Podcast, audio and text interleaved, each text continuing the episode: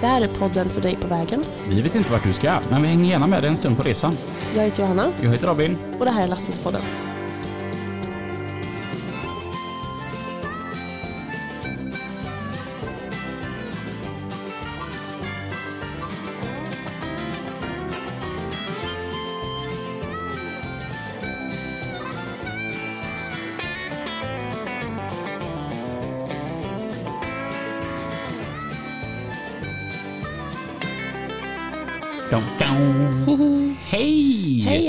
Hur är det? Jo men det är fint. Gött! Är det själv? Det är jättebra. Ja? Ja. Har du haft något skoj sista veckan? Jag har haft en pissvecka om jag ska vara helt ärlig. Jag berättade om min fadäs där när telefonen gick sönder uppe på fjället och jag visste inte vart jag var och det var kaos. Mm. Det var old school. Fick det bli en karta och jag hade noll koll på läget men eh, vi, vi kom dit. Jag skulle till slut. Härligt. Har du haft en Ja. bra helg? Ja, det har jag. Ja, Det var ju igår. Ja. Jag kommer knappt ihåg vad jag har gjort i helgen. Jo, jag käkade soppa i fredags. Mm. Jag såg en TikTok att eh, eh, de käkar soppa och toast. Mm. Och det såg så jävla gött ut. Och skickade jag till Anna. Anna, kan vi snälla äta soppa och toast på fredag? Hon bara, självklart. Jag bara, tack. Mm. Ja, själv? Jo men det har varit bra. Jag har varit eh, på lite, fått sträcka lite på benen. Så jag varit uppe i Örebro en sväng här igår just och så träffade jag ju dig och, och sen, sen efter jag hade träffat dig så åkte jag hem till dig. Ja, Eh, och vi, vi skulle... Det var rätt roligt, alltså när, när, vi skulle göra den här grejen som jag hade sett. ja, det gick inte alls bra. Jag visste inte Alltså, vad jag jag, skulle göra. jag såg två tjejer. Jag visade ändå filmen hur de gjorde. Mm. Att den ena tjejen la upp sina ben på den andra tjejens ben och så satte de sig som... eh, Så det slutade med att den ena satt sig på en stol och så väg, vägde de i precis balans med Som varandra. gungbräda typ. Ja, så skulle jag och Johanna göra samma sak. Det gick sådär. Mm. Eh, för, för den som vill se resultatet så ligger det på min Instagram, där jag heter Robin Husberg där. mm. Eh, Men jag, någonting annat riktigt roligt, jag gick igenom min telefon, för jag skulle ha tag på någon rolig bild på mig och dig, och så hittade jag ett videoklipp på dig, och alltså det, jag satt nog och kollade på detta åtta gånger i rad, och så tänker man så här att det går inte att spela upp ett videoklipp i en podd. Jo, det kan man visst det. För att man behöver inte så jäkla mycket utav eh, vad man ser, utan det är mest bara vad man hör. Det, det är ju så här att när vi, när vi är ute eh, bland folk så representerar vi ändå lastbilspodden. mm. Och den här gången så hade jag sagt det till Johanna att vi representerar ett företag. Mm. Så att vi får gärna sköta oss. Vi tar det lite lugnt med alkoholintaget. ja. Det är så. Det ni nu ska föra, det är en uppspelning ifrån när jag träffade Johanna en kväll i somras. Vad sa du Johanna? Jag sa att antingen får jag gömma mig för Robin. Men det går inte för Robin är ju här. Aha, jag får inte bli för full för Robin.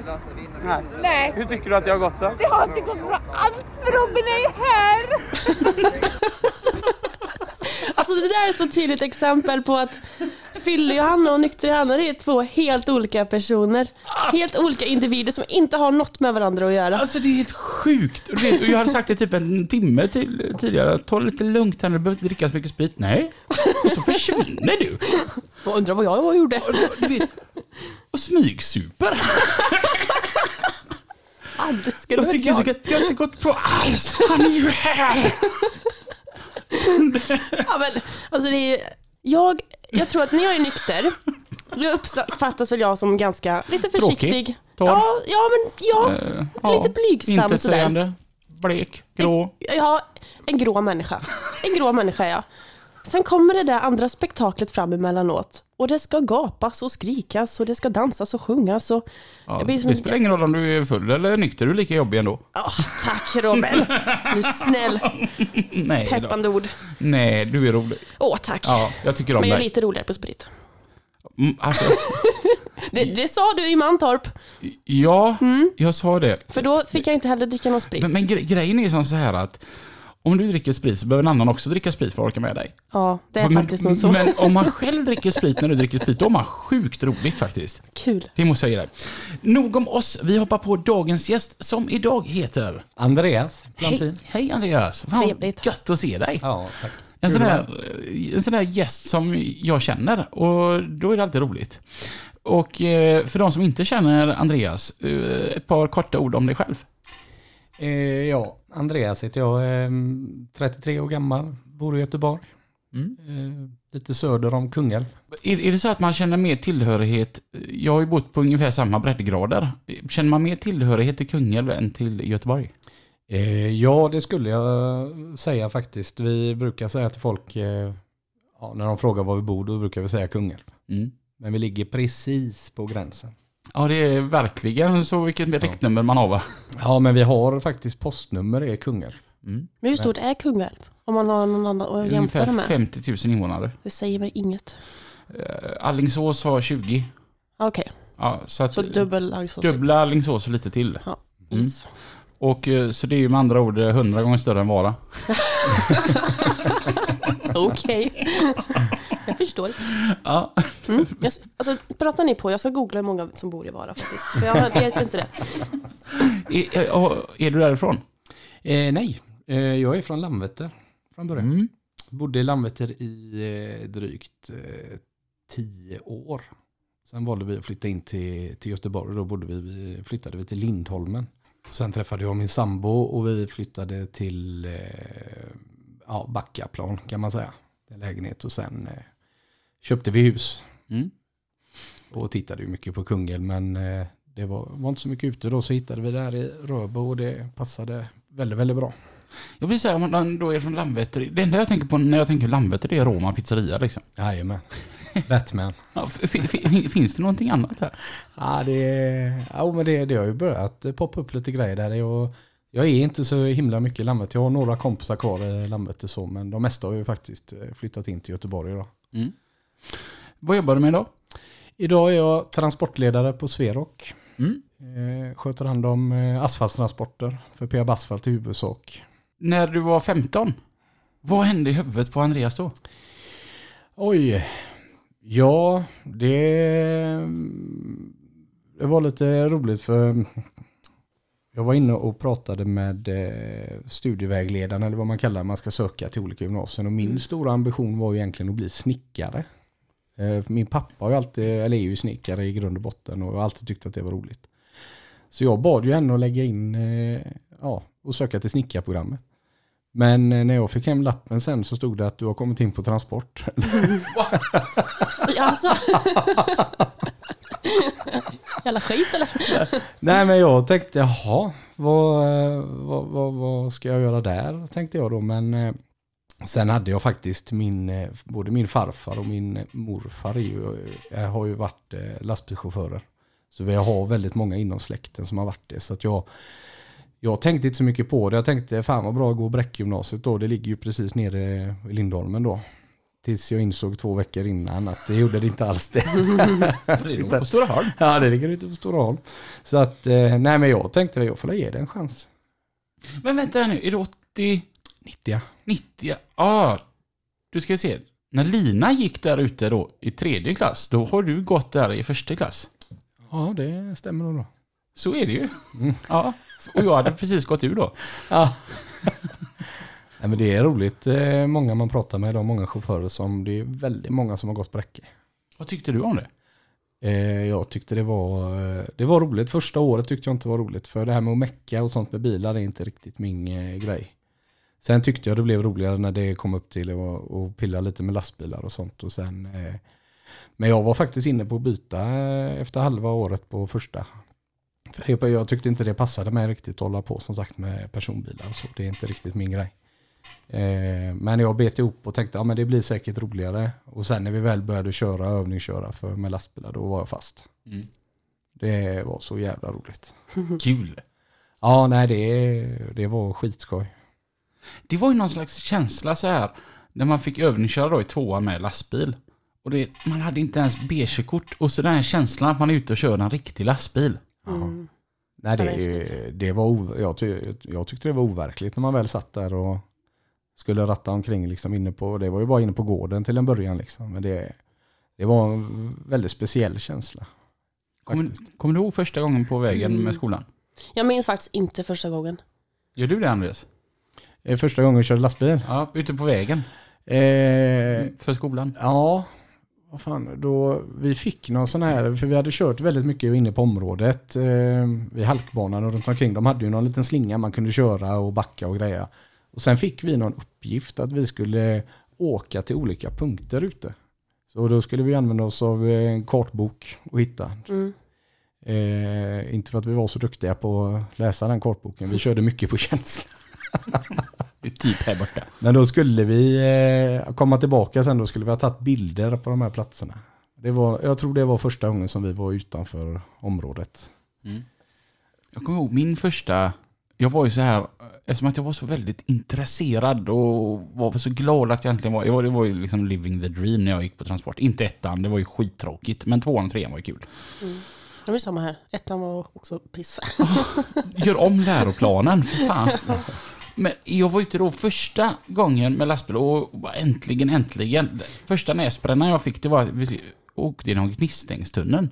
Och det är ingenting man någonsin tänker på. Men när man aldrig har kört lastbil ute på vägen och det första man får göra det är att åka över Älvsborgsbrova. Det är jättebra. Och så skulle man in i Gnistängstunneln så känner man bara shit det här är smalt.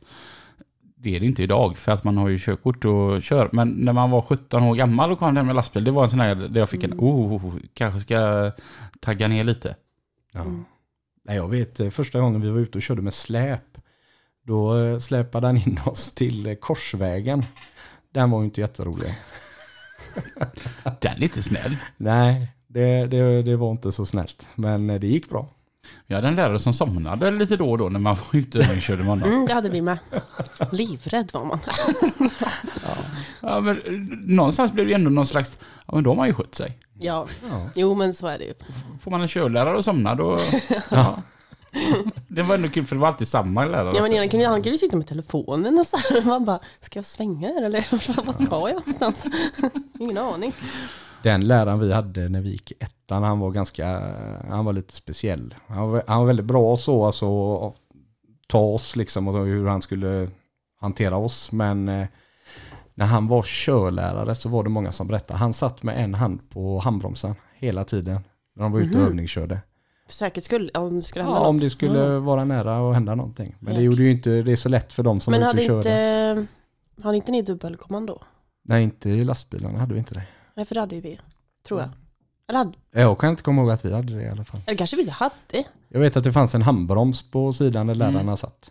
Det var det enda. Jag kommer fan inte ihåg om vi hade, jag, nej, jag minns jag vet att vi hade det i personbilarna i alla fall. Men jag kom, vi kanske inte hade det i lastbilarna. Skoj ändå i alla fall. Ja, ja jättekul. Åh vad roligt det var. Och studenten, kommer du ihåg någonting från studenten? Ja, men det gör jag.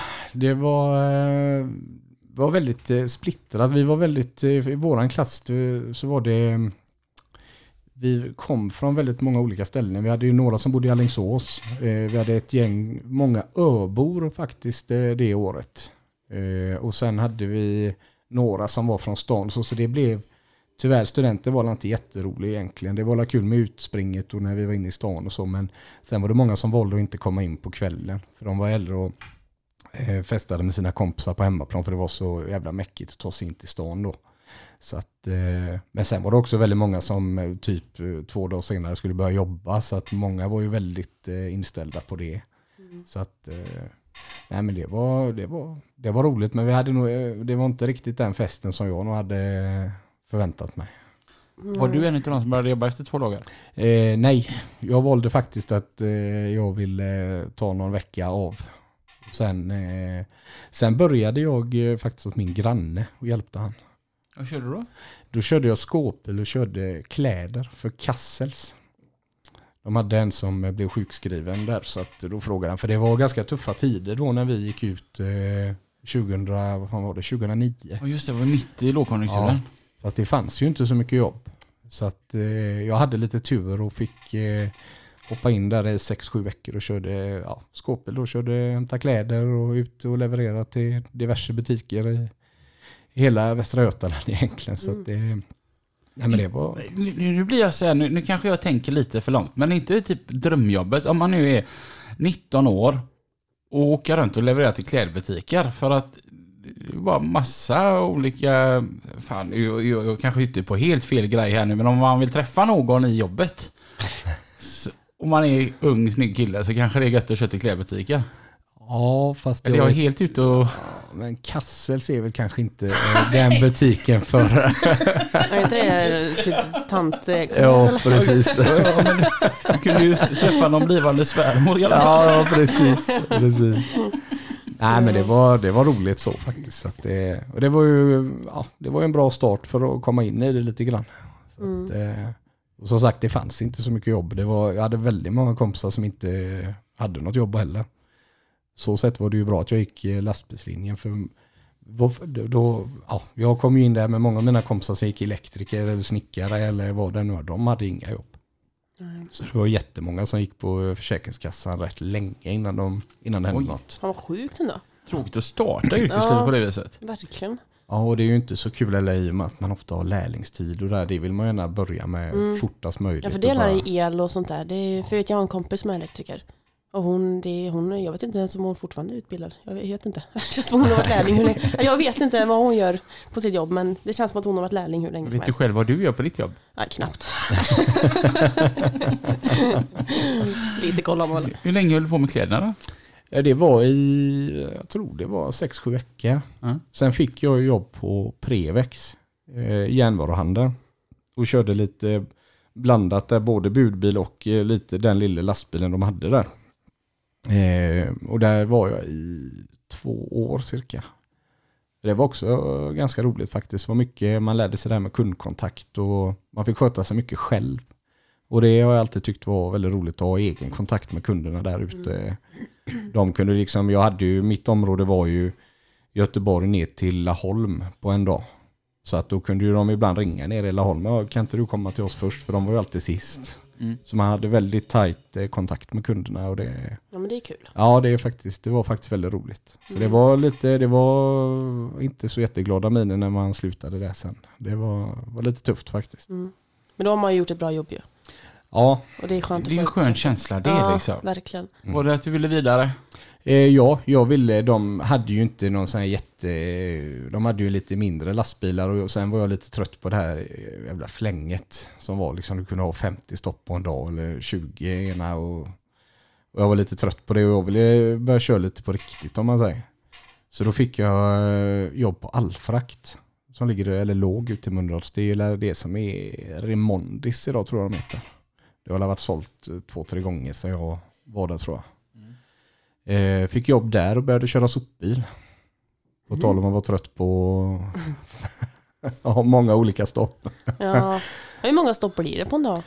Eh, nej, jag hade ju dessutom Majorna som eh, område. Mm. Så jag tror det var en dag hade jag, jag tror det var 100, 130 sopkärl som skulle tömmas. Så att jag tror det var 80-90 stopp eller något sånt där. Satan eller? Jävla eh, hoppande ut och in i bilen. Ja, men det var bra man fick ju röra på sig. Ja, du måste varit vältränad deluxe. Ja. Ja, och så körde man ju alltid själv också. Jag tror Renova, de är de är ofta två i bilen. Men vi körde inga hushållssopor utan vi körde ju tidning, eh, wellpapp, glas. Det är gött, det luktar inte så illa. Nej, det... Nej, man började ju tyvärr lukta ändå och springa ut och in i de här jävla soprummen. ja, det är klart. Du är svettig. Ja, men det, det var rätt. eh, Det, där blev man ju lite, lärde man ju sig här lite mer finliret när man körde. För in i Majorna stod det ju bilar och skit Mm, överallt. Så att eh, det var, det var ganska nyttigt också tyckte jag. Mm. Men sen på allfrakt sen så när jag började tröttna på det så fick jag ju sätta mig i lastväxlare och köra. Och det var, då var jag ju frälst sen. Då ville jag ju aldrig mer göra någonting annat. Det var grejen alltså. Ja, det gillar jag. Och än idag skulle jag sluta som transportledare och börja köra lastbil igen så hade det varit eh, lastväxlare direkt. Ja. Ingen tvek. Och, vad körde du för lastväxlare då? När du, var, var det på allfrakt? Var det containrar eller? Ja, Ja. körde ju eh, blandat eh, både med bara bil och eh, tre burkars ekipage eh, beroende på lite. Så det var ju, vi körde ju återvinning så att eh, vi hämtade ju mycket burkar ut oss på byggarbetsplatser och, och tömde. Och sen körde vi ju tre burkar, då var det mycket elektronik. Så de fyllde, vi hade ju tre, tre olika burkar med eh, öppningsbara sidor och tak och allting. Så ställde de in burar där. Och så hade vi lite olika svängar. Det var mycket upp till Vänersborg men även upp till Vetlanda och typ två gånger om året var det upp till Arboga. Att det, det var faktiskt det var en av de bästa körningarna jag har haft. Skoj. Ja, Och sen, och sen så vill du fortsätta köra lastväxlare men gick vidare? Jajamän, och då kom man ju in i det här asfaltssvängen. en gång asfalt, aldrig något annat igen. Ja, nej, så jag började på, och sen åkade på eh, fraktkedjan. Eh, och eh, började köra asfalt. Helt enkelt. Jag trodde ju när jag började att det skulle vara vägasfalt, men det var det ju inte från början, utan det var ju gjutasfalt då. Vad är det för någonting?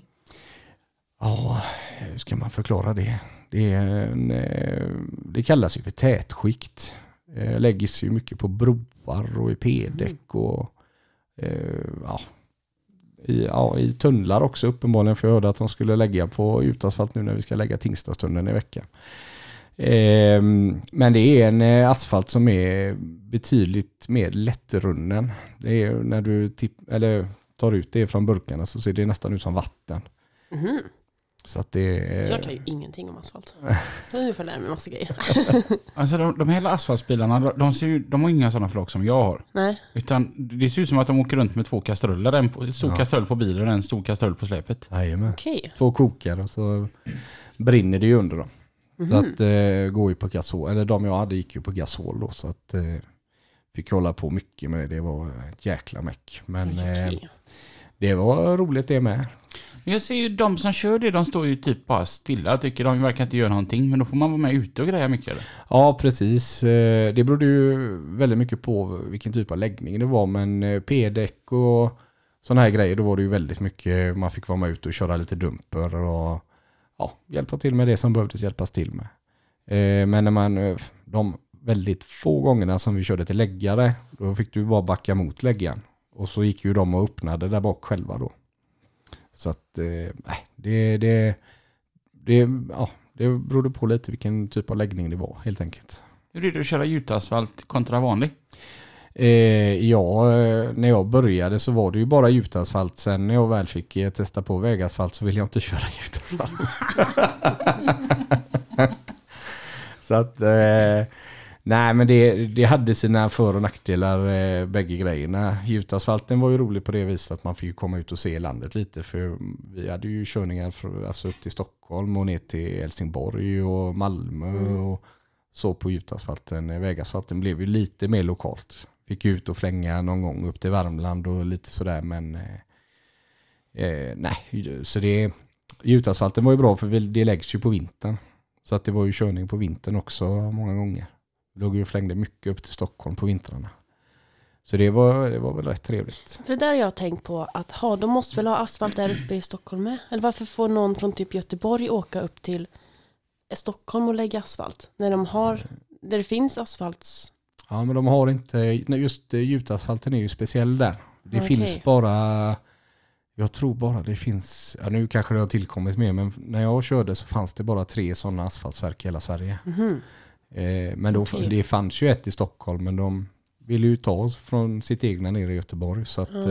eh, det var ett jäkla flänga. Men det är samma, DAB eh, hämtade ju nere i Malmö så hämtade de ju även i, i Danmark. Åkte de Mhm. över till Danmark och hämtade. Okej. Men många gånger fick de åka upp till Kungälv och hämta. Ja, för det tycker jag det känns så konstigt bara. Det måste ju finnas i närheten. Och nu är jag ute på väldigt djupt vatten. Men vad jag har förstått i alla fall så är det många som kör för, från verket till Kungälv som kör Norge. Ja, Mhm. det stämmer. Okej, För att de köper det från Kungälv. Mm. så där Det hade ju varit någonting så kan man får komma ut och åka lite. ja. ja. Jag säger inte att jag börjar bli trött på att bara köra Nej. Göteborg men Nej men det, det stämmer. De körde väldigt mycket på Norge. Eh, eh, DAB där som har verket. Så då hade de ju en egen eh, lastbil och inte missminner DAB. Eh, som de körde med men även en trailer som gick upp väldigt, väldigt mycket. Mhm. Jag aldrig med och körde på Norge men eh, nej, det, jag vet inte om det är för att de inte har något verk i Norge eller hur Mm. det är men det var väldigt mycket som gick upp dit. gött. Jag det måste ha så kätting konstigt. på en last, äh, asfaltsbil. Ja det är fint. Ja, men som när jag körde, jag hade ju en tur upp till Timrå med sand. Liksom. De har alla för helvete sand där uppe. Det skulle ju också till en, till en golfbana. Men nej, det ska gå från Baskarp med golfbans sand. Det måste det är varit väl en något... otroligt fin sand. Du hade ju en Ja. görgod körning. Jo, jo, jo. klaga. jo, men jag tycker bara att det är så märkligt. Vissa, alltså vissa transporter man kör, bara, det måste ju finnas i närheten. Ja, Jag är faktiskt med dig. Vissa Ja, saker särskilt när det är liksom, som ska ligga på en golfbana. Mm. Vad är det? Ja, jag tycker, ja. Men som sagt, vi ska inte klaga. Jag Ska- fick ju åka, Ska vi börja spela golf? nej, Nej. absolut inte. Nej. Nej, jag bor ju bredvid en golfbana så när jag är ute och går, det är, fan, jag får ju ducka nästan. för Jag får ju få golfbanan i, eller golfbollar i huvudet. Nästan. Jag får, går ju tvärs över marken det där. Är det så att du har bett dem att sluta spela? Hallå, jag går här! Ja, ja men det, jag får nästan krypa. Nej, nej. Johanna, Ja, kan inte du börja ha hockeyhjälm på dig när du är ute och går? Absolut inte. Jag tror inte ens jag äger en hjälm. Tänk den synen. Men Johanna går med hockeyhjälm och sån här galler där framme. Ja men det är för när jag är ute och går då, då korsar jag banan. Så det är, ibland får jag liksom stanna för då kommer de gående med sina vagnar så, här, så jag får liksom, det är som ett övergångsställ typ. Så bara, "Nej, jag ska bara gå förbi här. Smyger. Ja. Mm. Sen blev det vägasfalt. Sen blev det vägasfalt. Och då kände jag att det här. Ja, Det det, det, var, jag tyckte det var, det som var när jag körde gjutasfalten var ju att det var ju mycket nätter. Eh, och man, eh, man satt ju mycket själv. Det var inte alls den eh, sammanhållningen eh, någonstans som när man började köra vägasfalt. Man lärde känna många av de som var med och körde till just det laget och satt och tjötade väldigt mycket i telefon med varandra under tiden man körde. Ja, det, var, det, var, det var någonting med det. Men sen var det ju också där eh, med gjutasfalten att det blev, eh, det var ganska tungt att både köra då och sen eh, skulle man vara ute och, och hjälpa till liksom och för att sen köra tillbaka. Det, det, det blev jävligt tungt många gånger. Men eh, vägasfalten, nej jag tyckte det var betydligt roligare faktiskt. För de som inte har kört asfalt, vad är det som är skoj med att köra asfalt? Ja, jag, jag har tänkt på det många gånger. Jag har svårt att sätta fingret på det, men det är, det är någonting med det. Som, jag vet mitt sista lass jag körde någonsin, det var faktiskt till Peab. Så att, eh, då skulle jag lära upp min eh, kollega lite hur det funkade och då, det, det var någonting som var, det var lite mäktigt på något sätt att komma ut där, för vi körde inte till det var en infraläggning men eh, det, vi körde inte till just infraläggaren utan vi körde till eh, en lite mindre läggare som var med också och körde lite låda. Men det var någonting som bara jag, jag tyckte var eh, häftigt med det. På något sätt. Jag vet, Johanna var med mig i somras eh, när jag körde till, eh, till Rillegänget uppe på E20. Och bara, du, du ska få uppleva, det, det är så fräckt. Och, och, och hon sitter där och bara, wow, det ska bli så kul, du ska vara med om någonting som är så fräckt. Och yes, och hon är så himla positiv den här. Och så kommer vi där och så backar vi emot eh, chatten och så och hon sitter, när börjar det fräcka? Och jag bara, det pågår nu. Vi hade nog lite olika definitioner om vad som är fräckt och inte. Men det är okej. Det är svårt att förklara. Mm. Men du blev så inbiten så du ville till och med jobba med det. Ja, precis. Eh, Jag fick ju en förfrågan. Jag, min eh, tjejs eh, farbror jobbade ju på NCC då, på, på driftsidan. Och han sa det att de söker ju folk till asfalten så fan åk dit och presentera dig. Så jag eh, ringde till eh, han som var chef på den tiden, han är ju inte kvar idag vet jag. Eh, Och bara frågade om men söker ni folk? Jag kommer gärna in och pratar och då fick jag ja, gå igenom den vanliga proceduren, eh, anställningsintervju och skicka CV och allting. Eh, så fick jag jobb där så tänkte jag men det kan ju vara kul att testa något annat. Eh, för jag kände någonstans att jag var lite, ja jag hade ju träffat min sambo och allting och tyckte det var lite gött att komma hem på, på dagarna med för det blev väldigt mycket eh, långa dagar och svårt att planera livet. Helt enkelt. Och då tänkte jag det kanske blir lättare när man blir asfaltsgubbe. Det blev det ju inte kan jag ju meddela. Eh, så att, eh, men det var, jag, tänkte, jag tyckte det skulle vara kul att få komma ut lite och testa något annat. Så det blev, eh, vad fan blev det? Tre, nästan fyra år på NCC. Och vad fick du göra där? Eh, jag började som 50-gubbe som de kallar det då. Man är lite allt i allo. Man eh, limmar och man, eh, ja, man ska vara på rätt ställe vid rätt tillfälle helt enkelt. Sen fick testa på lite allt möjligt. Körde det, sista året körde jag läggan väldigt mycket. Eh, men eh, nej, fick testa på nästan eh, allting kan man säga. Mm. När det är ett asfaltslag så har man ju en som kör läggan och så har man en på vår sida utav, eh, på, på sidan utav maskinen. Och så har man vältförare och så har man 50-gubben. Ja. Vilket, eh, vilket jobb är svårast, tror du? Eller tycker du?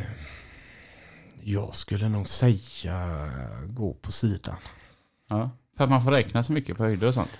Ja, men för att man måste, ja det är ju, det är ju så många aspekter liksom som man måste hålla koll på hela tiden. Det, jag är fortfarande än idag superimponerad över de som, som gör det, som går där. Det, det är fan inte bara. Med förutsättningar som är också, med jobben och hur det ser ut. Så att, eh, nej jag, jag skulle nog säga eh, att gå på skruven. Men sen eh, välta är inte att underskatta heller. Det, det, de gör ett jävla jobb. De som är duktiga på välta kan ju rädda upp ett helt jobb. Om de där framme misslyckas så har du en duktig vältförare så kan ju han rädda allting sen. Alla på laget verkar ändå vara, alltså, fylla en viktig funktion. Bara så här 50-gubben var han, jag har tänkt, tänkt på det, speciellt när man var på infraläggningar. Undra hur, mycket, hur många steg de går på ett pass. De är ju överallt hela tiden. Jag vet, det var någon gång som eh, jag, när jag var 50-gubbe där som jag kollade, jag tror jag hade på en dag, det var 15-20 tusen steg. Bara på jobbet. Ja. Mm. Det är helt galet, men då var det ju extremt också. Då var det ju ett jäkla, då hade vi ju ett jobb som man eh, behövde springa och ösa och greja och dona mycket, vilket det är mycket, eller var mycket på NCC. Vi hade ju mycket smågator och grejer och då blir det, man får röra på sig. Det som är lite roligt är att Andreas, han var ju alltså i det laget där jag idag är lagbil. Okej, Mm. Jajamän. förstår. Det är lite vad världen är liten ibland. Mm. Alltså jag tänker att jag tar en kaka. Ja. För att, Och det, det får Andreas också göra. Det Ja, är, här är tack. Johannas hembakta snickerskaka och den är magisk. jag kände det var så mycket asfaltsnack och jag zonade liksom ut lite grann. För jag bara, nu förstår inte jag någonting. Okej, men då... Jag tar en kaka istället. Jag kan ju berätta en liten rolig grej där då med just det. För min, min sambo hon förstod aldrig riktigt där heller. Vad, vad är det som gör att du inte kan veta när du ska komma hem? Mm. Och då sa jag till henne en gång, men då körde jag gjutasfalt och sa, men imorgon har jag en bra läggning nere i Älmhult. Häng med. Mm. Så kan du gå på Ikea någon timma sådär och så tror jag vi är klara sen när du är, när du är färdig liksom. För vi skulle bara ner med, om det var 8-10 ton eller någonting. Så vi lastade ut, eh, jag tror det var 2-3 på natten där eller någonting och så åkte vi ner. Var nere och så gjorde de i ordning lite och så körde jag bort henne till, eh, till Ikea där sen. Eh, vi åkte därifrån två på natten. Oj, Oj! Så när vi satt i hytten här och var på väg hem så sa jag, ja, nu förstår du kanske. vad är det som tar tid då? Vad är det som... Nej, då var det vi skulle göra bro, eh, bro, eh, eh, slutet på broarna. Mm. Och då skulle de, hade de glömt av att de skulle lägga så här tjockt. Ungefär. Nu, Jaha. nu ser ju inte En ni det. meter Ja, ungefär. ungefär. Och då var de tvungna att lägga det i fyra lager. Mhm. Och den asfalten är ju betydligt varmare. Den, vi hade ju den på 200... Måste det typ svalna och sånt innan man kan lägga Ja. nästa? Okej. Så att den, var ju, den är ju på 220-215 grader. Helskott, Så alltså. den måste ju ner rätt rejält innan man kan lägga Mm. på nästa. Så vi, vi stod ju för, för fan och väntade i fyra För då timmar. får ni bara vänta, liksom? Ja, ja, bara stå där och titta på. Hur lång tid tar det innan det svalnar? Alltså ett lager? Jag tror vi väntade alltså timmar. Men hjälp. Så att vi, och då hade, när jag åkte därifrån hade jag dessutom ett eller två ton kvar. Så jag, vi var ju tvungna upp Mhm. till eh, åka och tippa också. Ja, Hon var inte sådär jättenöjd då. okej. Men ni är fortfarande ihop idag? Jajamän. Ja, så att det är ändå ett eh, bevis på att hon älskar dig. Ja, hon har åkt med mig när jag körde, körde vägasfalt också. Det tyckte ju gubbarna var jätteroligt. Så att, eh, ja, hon har allt varit med. Kul. Men, som du känner, nu blir det mycket asfalt här. Mm. När du höll på med asfalten så tog livet ett helt ny vändning. Ja, jajamän. Och det var ju faktiskt i, i början på... Jag anställdes ju på NCC i... Eh, var det i juni? Eh, och vi skulle ju få vårt första barn i september. Ehm, och eh, ja, det gick ju inte så bra kan man väl säga. Hon, de gjorde en hel del missar på, under förlossningen så att eh, idag är ju hon, hon har ju jättestora skador på, på sin hjärna och är gravt funktionsnedsatt helt enkelt. Så att eh, jag vart ju tvungen att, eller vi vart ju tvungna att vara hemma. Jag var hemma i sex månader innan jag började jobba igen. Eh, hon, eh, ja det kan man väl säga, hon, hon, eh, hon levde ju inte när hon föddes. Och det tog ju en eh, tio minuter, en kvart innan de fick igång henne igen. Men då var ju skadorna var ju där liksom. Det är syrebrister och sånt, då är det ju tyvärr på det viset. Det eh, blir ofta någonting av det. Så att, eh, eh, jag fick ju vara hemma ja, sex månader då och sen började jag jobba inför säsongen efter men det var, ah, det gick inte så jäkla bra faktiskt. Det var, jag tror det året så låg vi inne ungefär 200 dagar totalt. Jävlar. Oj. Mm. Så att eh, det var mycket, ja det var inte så lätt att fokusera på jobbet för jag låg hon inne med henne på sjukhus och då har man inte riktigt tankarna på rätt ställe. Så det var mycket jobba, hem, duscha, byta om till sjukhuset, vara där några timmar, hem, sova, upp, jobba och ja. Så att det, det, var, det var lite tufft eh, kan man väl säga. Mm. Ja, Det var, alltså, det går väl aldrig riktigt att förstå. Jag tänker, maktlöshet. Ja, det, det har varit eh, väldigt kämpiga perioder emellanåt och det är det ju fortfarande än idag. Men hon är ju otroligt infektionskänslig. Så och nu eh, i förra veckan så åkte hon på en lunginflammation igen och då, jag tror det är den 16 hon fick. Oj. Så att eh, Hur det, gammal är hon? hon är fem. Mm. Så att eh, det, ehm, det, ja, det har varit kämpigt. Hon hade det första året där så hade hon väl en fem, sex stycken tror jag. Så att, alltså. men det har ändå blivit eh, stabilare så. Vi klarar ju av att hantera mer hemma. Hon Mm. har ju blivit starkare i sig med om man säger. Så att Mm. eh, vi klarar ju av mycket hemma. Men eh, när hon var så liten då visste vi att när hon blev sjuk så ja, då var det ju två veckor på sjukhus.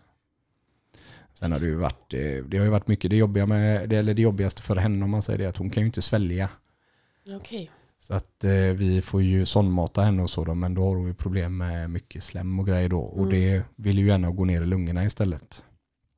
Eh, och då blir det ju, det är ju det som bildar en lunginflammation. När hon blir förkyld och så kommer bakterierna ner i lungorna. Mm. Så att eh, när det har varit det och sen har hon ju dessutom epilepsi och det är hur mycket grejer som helst. Mm. Så att det har varit en, eh, eller och är fortfarande en, eh, en resa kan man säga. Jag kan tänka... Jag, jag kan inte ens tänka mig, men alltså man, man har ju någon slags bild av hur det ska, här ska bli nu. när- Nu ska vi bli föräldrar och så blir det sån stor skillnad mot vad man hade eh, förutspått. Ja, gud ja. Det, det har varit eh, otroliga, otroligt eh, jobbigt. Eh, vi har ju gått i terapi och lite sådana här grejer, både jag och min sambo tillsammans och separat och lite så. Framförallt när eh, allting var ju bra. Det var ju inget fel på henne i magen eller någonting, utan det här var ju faktiskt någonting som sjukhuset eh, det var, man kan säga det var slarvfel från sjukhuset som har ju skapat detta.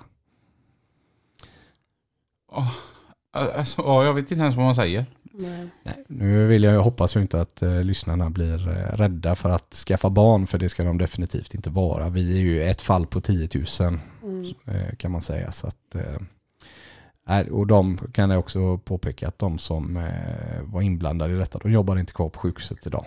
Mm. Inte på grund av detta, utan att de har gått vidare bara helt enkelt. Men vad, är, vad var det som hände? Alltså vad... Eh, det som hände var att min eh, sambo gick över tiden. Hon hade dessutom, eh, vad fan heter det? Man får högt blodtryck och grejer. Det kallas ju något speciellt.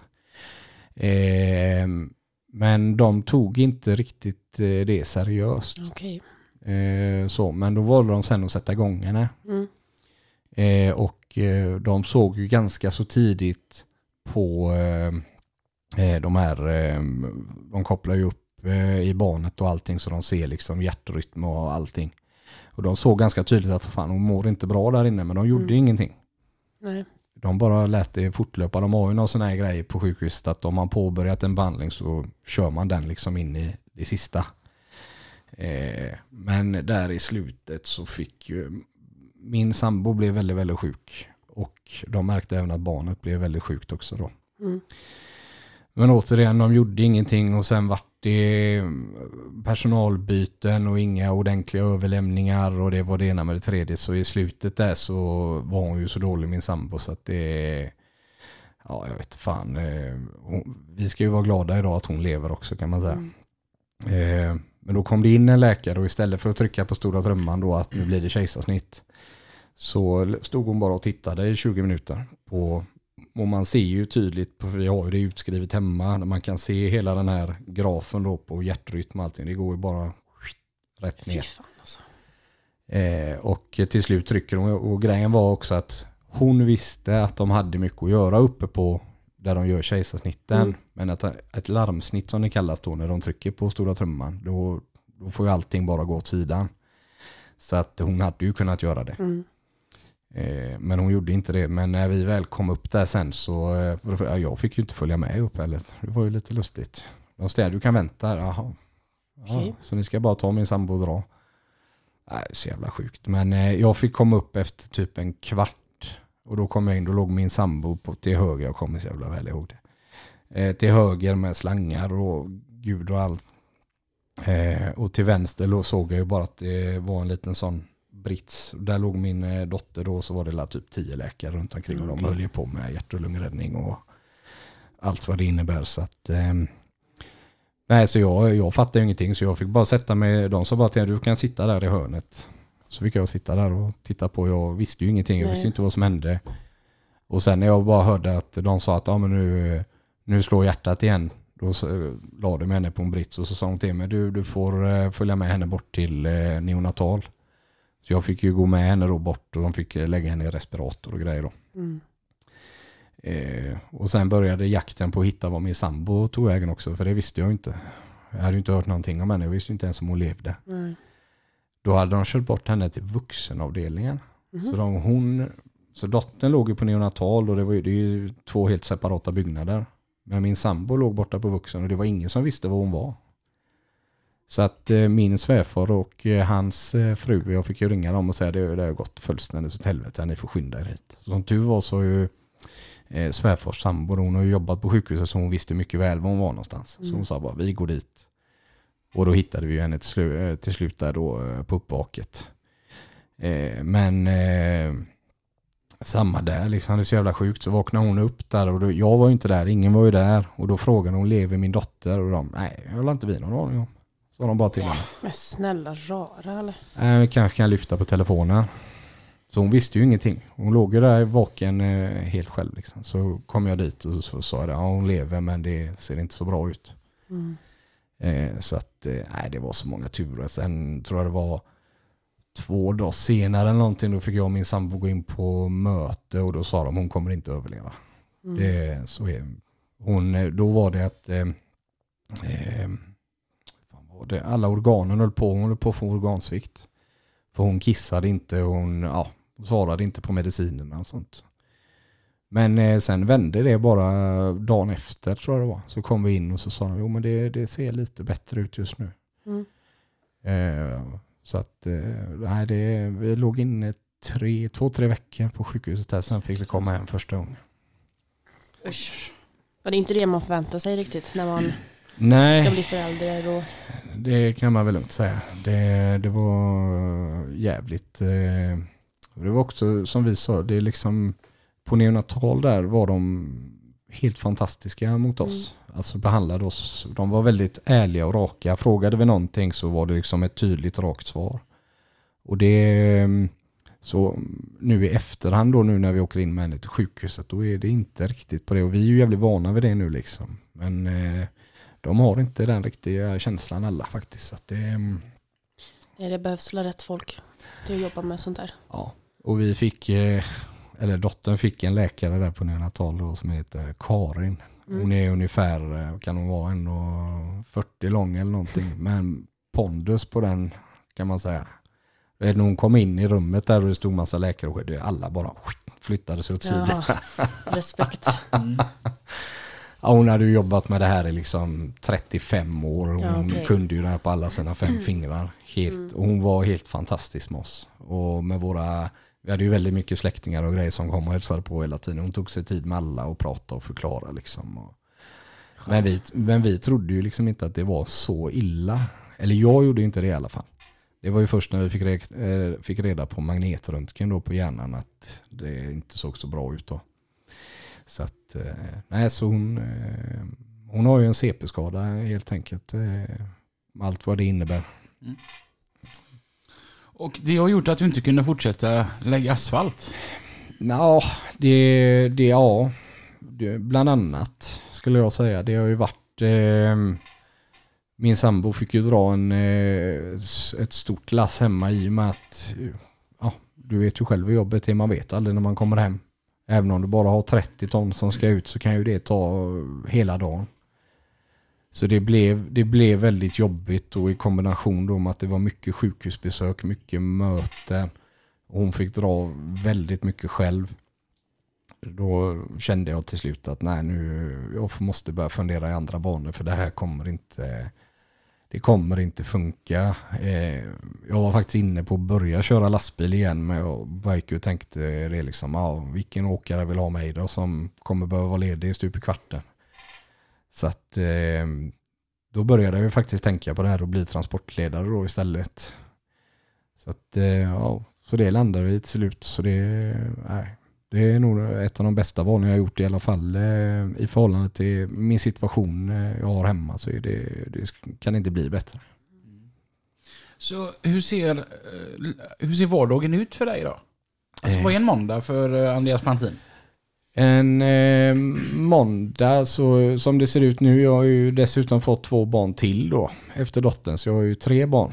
Eh, den ser väl ut att beroende på hur natten har gått med ungar och grejer om de har väckt mig eller inte så går väl upp runt eh, kvart i sex kanske och sätter mig och åker in till kontoret ganska så ensamt vid den tiden på kontoret. Jag är ju van vid att gå upp tidigt eh, och folk som jobbar på kontor har ju kanske ofta lite mer 7 till 4 eller 8 till 5 men jag gillar alltid att vara inne tidigt och få i mig lite kaffe och kanske ringa till några av mina åkare som jag vet jobbar eller har jobbat natt eller sådär. Bara kolla hur det har gått och, och så. Och sen eh, brukar det väl ta fram vid frukost och något så brukar jag ju få höra om hur natten med dottern har gått och om det har gått bra eller om hon är på väg att bli sjuk eller så. Men eh, nej, så eh, det är inget större. Nu har jag börjat få åka och lämna också på dagis på morgonen och innan jobbet. Så det, Mm.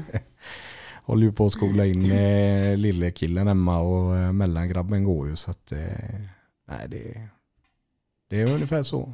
Full fart. Full fart kan man lugnt säga, herregud. Det rullar på. Ja. Du har ju varit lastbilschaufför har vi ju hört här nu Mm. då. Och att då blir nu då vara transportledare. Är det din styrka?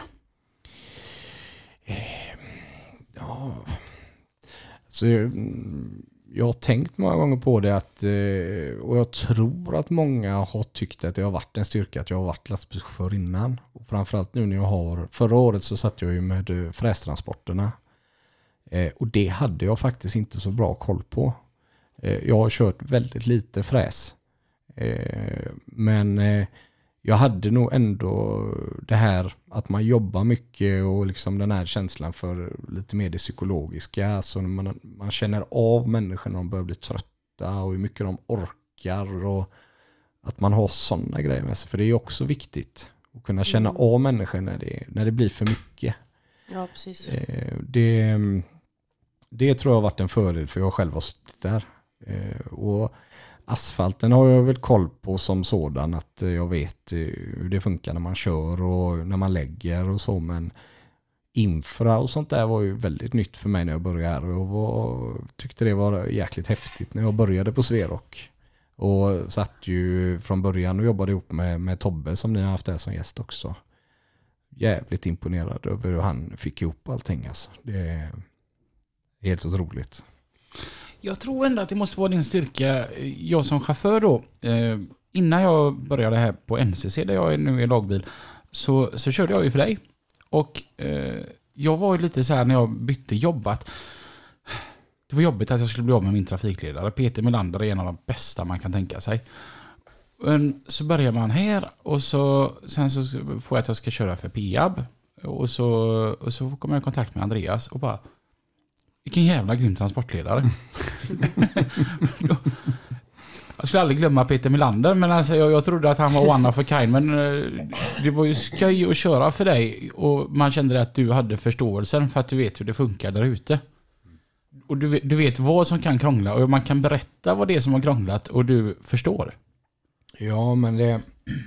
Jo, men det, det, det är ju viktigt att ha med sig de bitarna också. Jag menar, någonstans är det ju också, vi har ju med människor att göra. Liksom. Det, man måste ha respekt för när det är jobbigt och när det händer saker. Jag minns ju när du ringde när du har haft en riktig jävla skitkväll när ni körde för Conny-gänget där. Och liksom det, det är ju sånt som händer. Det är bara att släppa och gå vidare. Liksom det, det, är- det är liksom inget, ingen idé att jag hetsar upp mig för du är redan upphetsad själv. Liksom. Det, det blir ju inte bättre av att jag då blir förbannad. Och det var ju ingen som var förbannad heller. Liksom, utan det var ju det var ju bara du. Det, det här var skoj Anna. Alltså, Ja, jag, jag, jag har kört natten. Och Mm. du vet, allt som kan krångla. Du, du vet ju själv hur det är. ja men krånglar en grej så krånglar allt. Ja. Och det, det krånglade för mig. Mm. Och jag, jag började på kvällen och kände att fan vad det här är skoj. Och så bara för varje timme så blev jag bara mer och mer och mer förbannad. Mm. För att allting bara, det bara skulle jävlas. Nej, nej. Och så ringer Plantin på morgonen och bara, har de ringt? Nej. Har, de in, har inga ringt och, och klagat att jag inte får lov att komma tillbaka? Nej. Nej. Mm. För att allting krånglade för mig igår. Ja, de har inte sagt någonting så då är det nog ingen fara. Ja. Och, och då, då känner man att vilket gött ställe där alla tillåter att ibland får det lov att krångla lite. Mm. Men det är skönt med folk som har förståelse. Ja, men så är det. Men det måste man ju också ha. Jag menar, det, det är klart att om det krånglar för att man gör konstiga grejer själv eller att man är anledningen till att det liksom blir så. Och det liksom upprepar sig flera gånger, då kanske man måste sätta sig ner och prata med den personen liksom att det här går inte, du måste kanske tänka annorlunda eller göra annorlunda. Mm. Men att det krånglar för att eh, lastbilen går sönder, släpet funkar inte, baljorna är trasiga. Alltså det, det är så det är liksom. Det, det kan vi inte påverka. Och sen ibland vaknar man ju bara på fel sida också. Ja, Bara så här att, ja men bara så här att idag är ingen bra dag. och det är också en sån grej som jag har varit, som, eller som jag tycker jag har varit tydlig med att säga till många av de som kör för mig att för fan säg till. Mm. Alltså är det bara en sån dag där det liksom, då behöver du inte jobba, alltså du behöver inte ens jobba hela dagen. Vi kan se om vi kan byta ut så någon kommer så du får komma hem och bara Mm. Alltså det, för det är bättre det än att det går fullständigt åt helvete. Ja.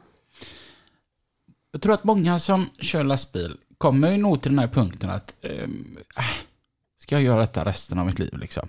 Man vill gå vidare. Och du lyckades med det på ett vis att du blev asfaltsgubbe istället. Och sedan nu då eh, transportledare. Och jag tror att många har funderat på att bli transport, just transportledare. För jag tror många chaufförer tänker som så här, alltså den jädra trafikledaren jag har, jag hade nog fan gjort det bättre själv. Vad har man att förvänta sig om man vill bli trafikledare? Ja, det är lite svårt. Men jag tror det är också väldigt olika beroende på var du är någonstans. Hos oss är det ju ganska uppdelat. Det är en som sitter med, med schakten, en med asfalt och en med fräsen. Eh, så att det är nog väldigt olika beroende på var du är någonstans. Vi har ju hos oss något som passar mig väldigt bra att vi har ju mycket frihet under ansvar. Eh, men det hör ju också till då att jag får ju svara i telefonen 8-9 på kvällen. Eh, och det, det har jag ingenting emot. Eh, utan behöver mina chaufförer min hjälp så då får de ringa. Det spelar ingen roll eh, vilken tid det är på dygnet. Medan många andra trafikledare och så när de slutar vid fyra så är det telefonen av. Så. Mm. Eh, och det är, men när jag var på fraktkedjan så var det ju så. Det, du fick inte tag i, du, jo du kanske kunde få tag i trafikledaren men eh, det skulle rätt mycket till för jag hade ju oftast inget mobilnummer till någon. Eh, utan de hade ju sina arbetstider eh, 7 till 4 eller om det var 8 till 5 eller 8 till 6 eller vad det var. Så att, eh, eh, så det, det, jag skulle säga så här att för mig när jag, när jag fick den här chansen att få det här jobbet så var det det som gjorde mig så jävla peppad på det var ju att jag skulle hålla på med någonting som jag faktiskt också tyckte var jävligt roligt. Jag gillar ju den här branschen, alltså asfalt och fräs och, och det här och jag har gjort det. Jag, jag känner ändå någonstans att jag kan det. Så att eh, jag tror att vill man bli trafikledare så eh, ska man nog också eh, Alltså är det någonting man känner att fan det här tycker jag är roligt och intressant Då ska man nog söka sig till det också som trafikledare i första hand. Mm. Ja, jag, jag, jag har ju själv tänkt det och te- även testat på det. Mm. Och jag saknade för mycket att köra, jag var inte riktigt redo. Nej. Hade du så här någon gång ibland känt att nej, jag vill hellre sitta på ett kontor och kan jag tala om vad folk ska göra? Nej. Nej. Alltså, men jag har ju sagt det att den dagen jag tröttnar på lastbilar, då ska jag ju ha mitt café. Mm. Det är ju liksom min plan. Om jag skulle sluta köra lastbil. Jag ska hälla upp kaffe och sälja baguetter. Ja, exakt. Tekakor med räkor på. Men ja, Extrapris är den just idag. Ja Ja. precis. Nej men just, alltså jag, jag kan nog tänka mig, att- alltså jag hade nog tyckt det var lite roligt att vara trafikledare med. Mm. Så att om det var, till exempel något, något bulk, alltså så, det har man ju ändå kört liksom och då vill man ju ha någonting som man, man känner till. Då tror jag att det kan vara roligt, faktiskt. Mm. Tror jag. Tror du att du någonsin kommer börja köra igen? Eh, jag, ska aldrig, jag ska aldrig säga aldrig för jag, jag saknar ju det. var- Jag, alltså skulle jag skulle jag eh, börja jobba med något annat så hade jag nog valt att börja köra lastbil igen. Kan du så här ibland bli...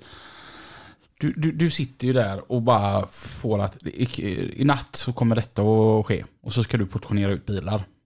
Kan du bli så här att jag vill ta en av bilarna och vara med? Ja. Väldigt ofta ska jag säga. jo men jag, jag åkte ju faktiskt med eh, en av mina chaufförer uppe i Borås.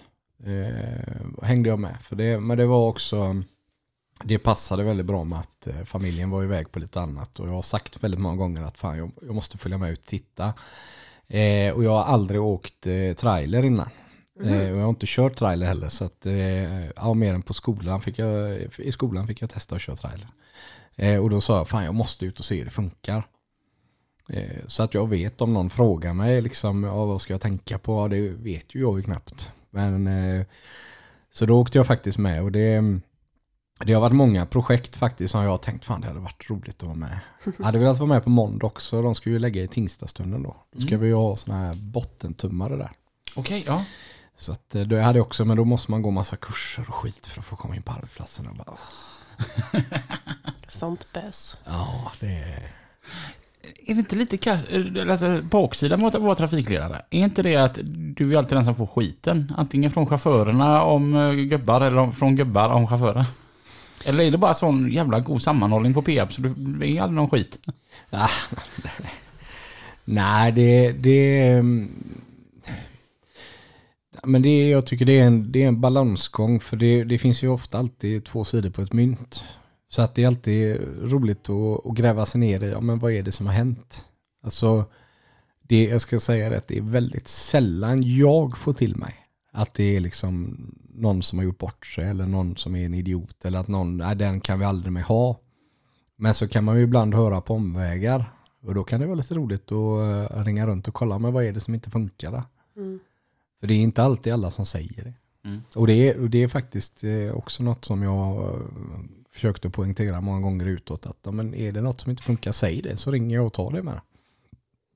Mm. Men det, det har inte varit eh, det har inte varit jättemycket faktiskt.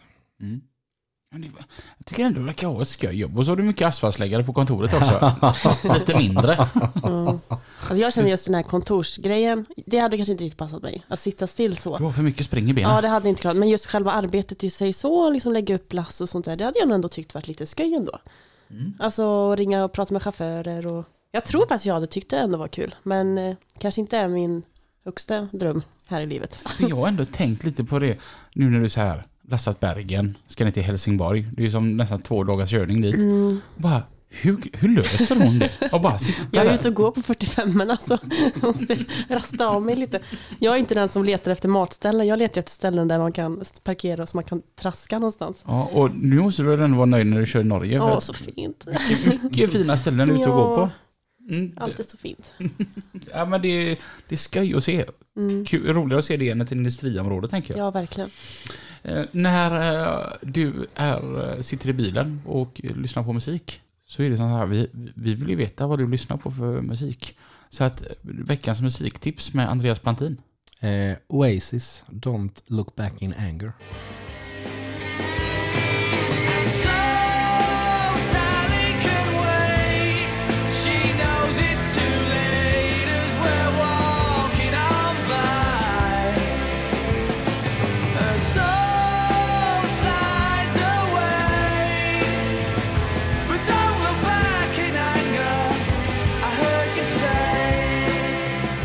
Otroligt vacker låt. Mm. Det var länge sedan jag hörde den. Ja. Så, så är det nästan alltid med gästerna. Så är de har alltid nästan en låt som man bara, just ja den här. Har jag inte hört på Grej- år och dagar. Ja, men grej, grejen är att jag har ju så här, vilka som har varit mina eh, lite så här favorittips Mm. som jag har fått ifrån, från olika så här. Jag brukar säga att den bästa, det är antingen Tim Malmbergs eh, Colt 45, Mm. eller Colt 45 som den då heter. Eh, jag gillar din Chasing Rainbows Mm. och så var det även en Down to One som eh, hon från Kungsbacka hade med. Mm. Men det här var nog det vackraste Ja, musiktipset. verkligen. T- tror jag. Och eh, min kära vän till höger.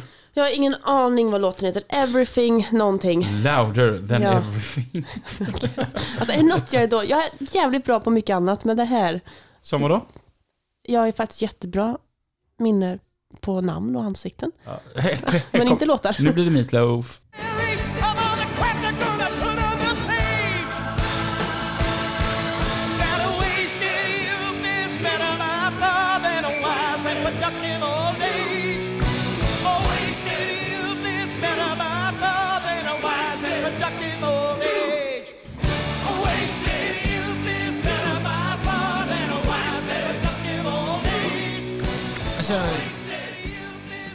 det här var ju lite roligt. Vi hade en diskussion om detta du och jag i bilen. När du visade mig denna här veckan. Ja, Jag har alltid gillat gammelrock. ja. Och du är sån country. ja vi har bytt platser. det är helt otroligt. Men den här, jag skojar inte att jag har lyssnat på den här nonstop hela veckan. Den har gått på repeat. Ja. På repeat, på repeat. Och så blir jag när jag hittar en låt. Okej. Snart, kanske en vecka till, sen spel jag på den. Jag eh, snodde faktiskt ett musiktips eh, från eh, Jimmy, min chef. Vi var på Hotell Kotia och så eh, härom helgen och så sitter vi på mitt hotellrum och så eh, dricker vi ett glas vichyvatten och, och små, småpratar lite. Och så har vi musik i bakgrunden som han spelar och så jag bara Åh, vad var detta för låt? För jag bara avbröt honom rätt mitt i meningen så han fick ta den igen. Och den heter The Courtesy of the Red, White and Blue.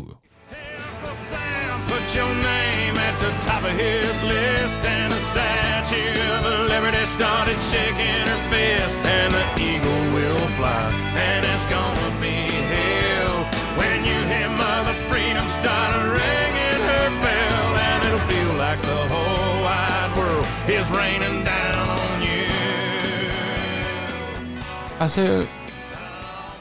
Jag älskar att det, det är så här, det är lite country och det är lite elgitarrer i denna låten. Och Det det, händer lite. ja, sjukt bra låt.